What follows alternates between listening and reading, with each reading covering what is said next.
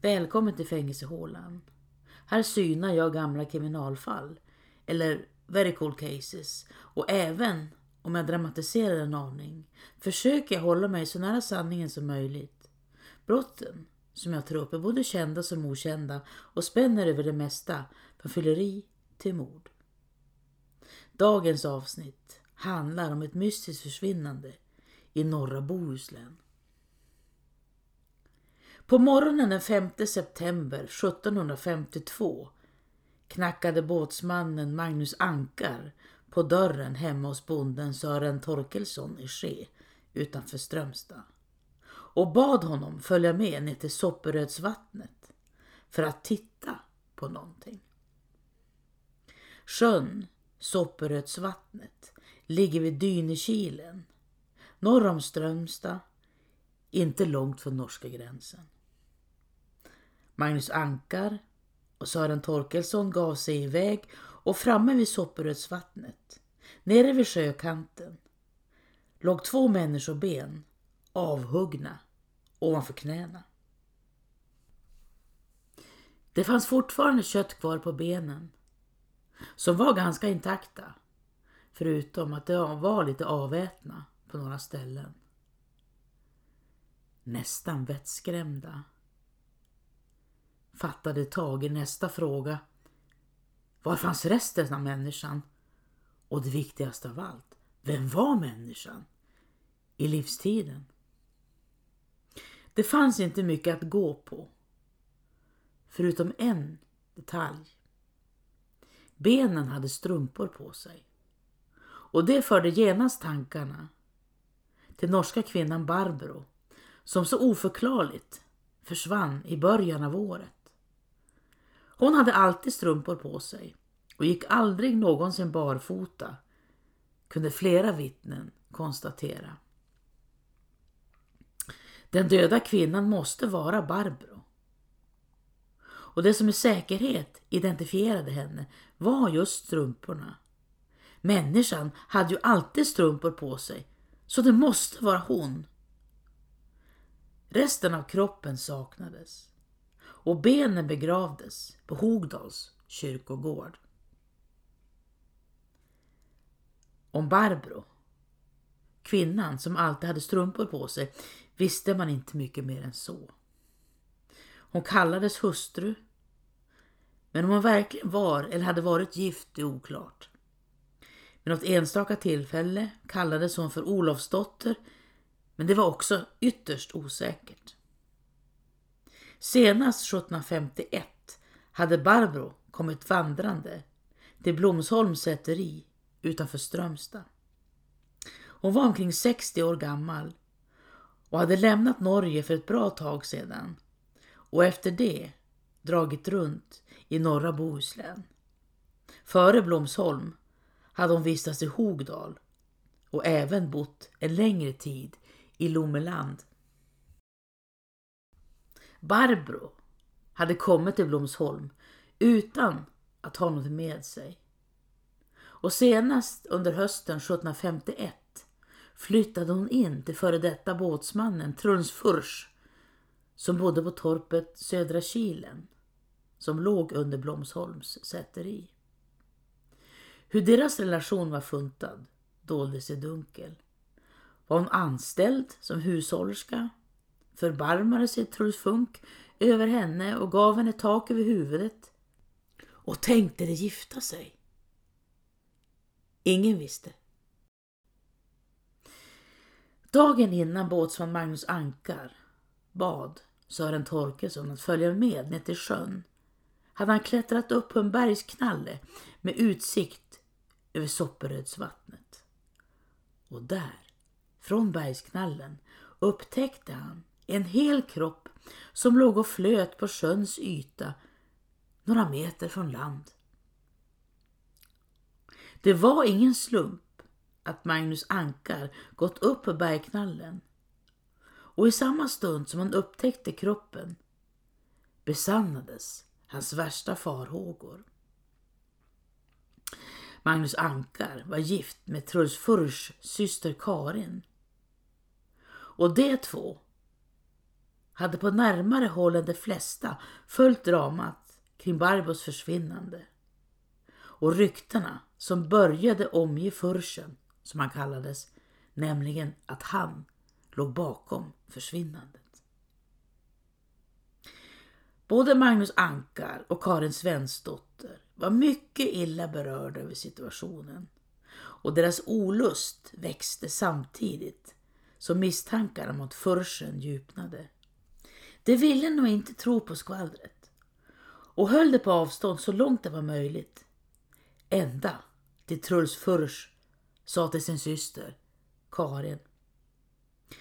Vad gott kan det komma av att jag bekänner och vad ont av att kroppen ligger i Sopperödsjön.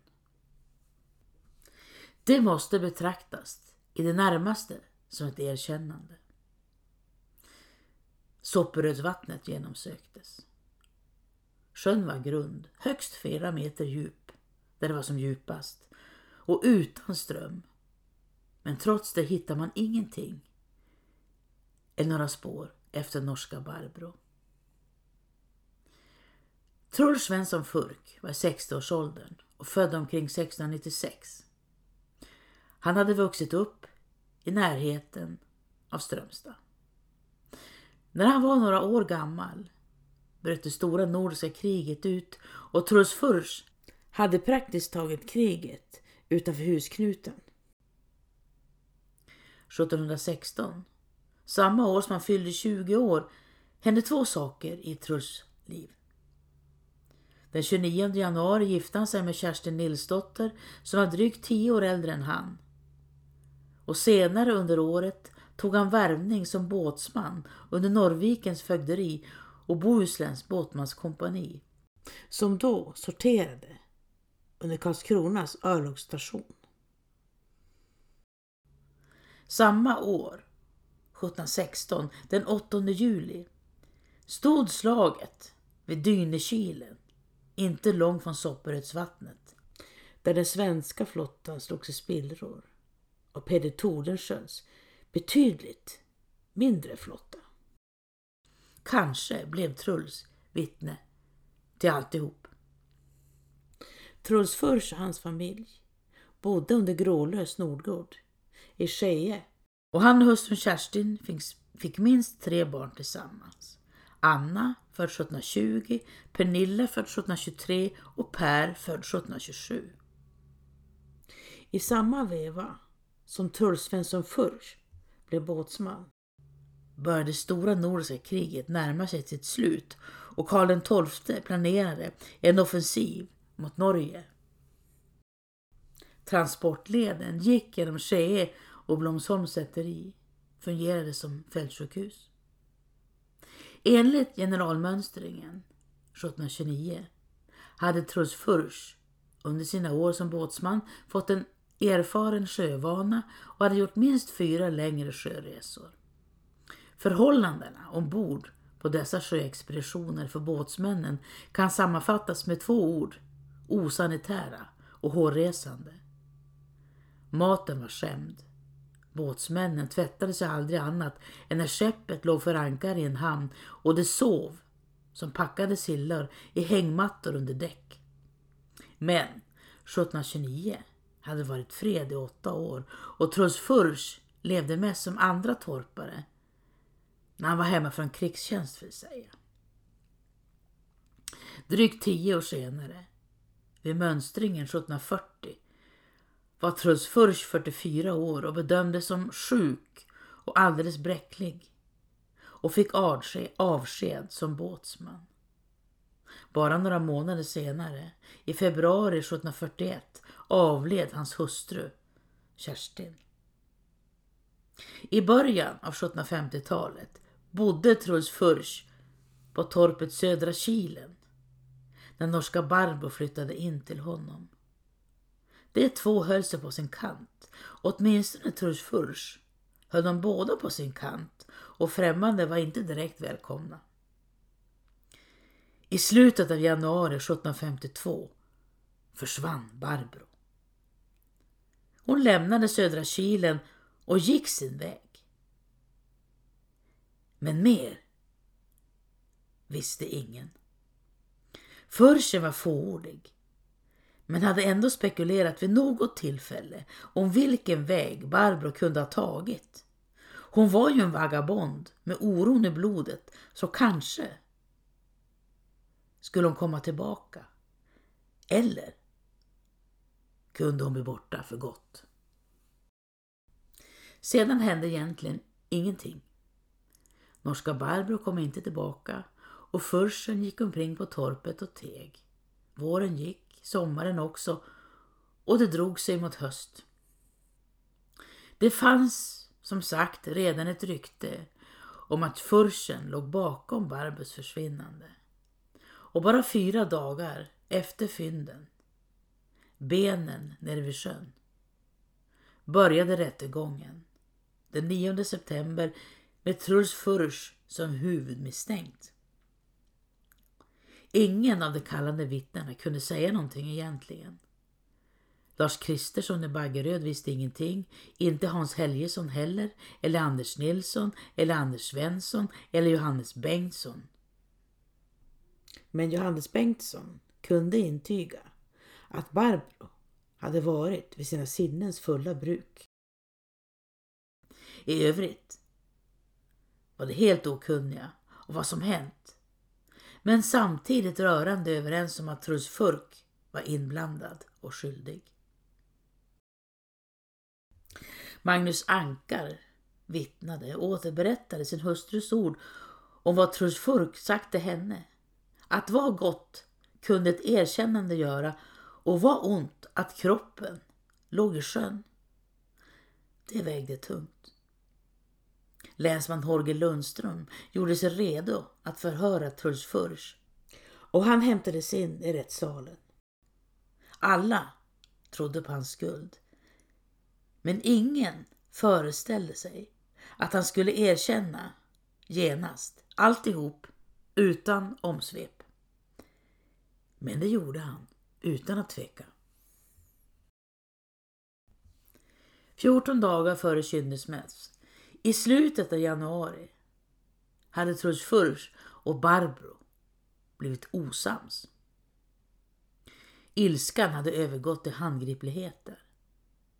Barbro slog Furchen som blev så ursinnig att han slog Barbro tillbaka med knytnäven två till tre gånger så hårt att hon ramlade ihop och förlorade sansen. När hon vaknade till igen fortsatte han att slå henne med knytnäven. Mellan åtta och nio gånger tills hon var helt livlös och att han efter en stund upptäckte att hon var död. Han använde inga andra vapen än sina knutna nävar för att döda henne. Men varför? frågade rätten. Och varför var ni så osams? Det svarade inte Truls Furch riktigt på. Han svarade överlag mycket fåordigt på frågorna som ställdes till honom. Var det meningen att ni skulle gifta er? frågade Holger Lundström. Ja, svarade Furchen. Ville du ha Barbro till äkta maka? Ja. Har du haft intimt umgänge med Barbro? Nej, men var ni förlovade då? Nej. När Truls begrep att Barbro var död släpade han ut henne ur huset, över gårdsplanen, bort till ladugården som låg nära den stora landsvägen. Där högg han av hennes ben ovanför knäna med en yxa och band ihop benen med en repstump. Han hängde benen runt halsen så att det dinglade mot hans överkropp. Resten av Barbro la han på en granruska. Och med benen om halsen och granruskan i näven gick han hela vägen bort till sopperödsvattnet där han kastade ner alltihop, både benen och kroppen i en upphuggen vak som fanns i isen. Det hade varit ett tungt arbete, sa Truls Furs, eftersom det snöat ymnigt under natten innan. Efteråt gick han hem igen till sin stuga. Det hade varit en riktigt lång vandring, över en mil. Men varför? Det kunde Truls Furs inte riktigt svara på nu heller. Våldet hade uppstått i stundens hetta. Det blev osams. Hon slog honom och han slog henne alldeles för hårt. Så på sätt och vis var det en olycka. Men hur hade Furchen sinnesnärvaro att hugga av benen och släpa kroppen ner till Sopporödsjön? Han kunde inte ens vara säker på att det fanns en vak i isen. För det var väl ändå märkligt att det fanns en nyss upphuggen vak i Sopperödsvattnet, tyckte Horge Lundström. Eller var det Fursen som huggit upp vaken i isen? Ja, svarade Truls Furs. Men när då? Samma morgon. Högg han upp vaken i isen i avsikt att döda Barbro och gömma kroppen? Ja, svarade Truls Furs. Och efter det? Har han sett kroppen efter det? Nej, försäkrade Truls Furs. Aldrig någonsin. Dödandet hade alltså inte skett i stundens hetta utan varit mycket välplanerat. Mordet var däremot uppklarat. Truls Furs hade frivilligt erkänt att han dödat kvinnan Barbro från Norge. Inte i hastigt mod utan med eftertanke och planering. Ändå dömdes han för dråp till döden och dödsdomen slogs fast av högre rättsliga instanser. Truls Furs fördes till Bohus fästning utanför Kungälv och där fick han sitta i väntan på sin avrättning. Den 13 januari 1753, knappt ett år efter Barbros försvinnande, avrättades Truls Svensson Furs på ett berg vid Vätte häradsbro norr om älven. Han halshögs. Huvudet placerades på en påle och resten av kroppen hängdes upp på ett stegelhjul. Och där hängde kroppen under lång tid som ett varnande exempel på hur det kan gå.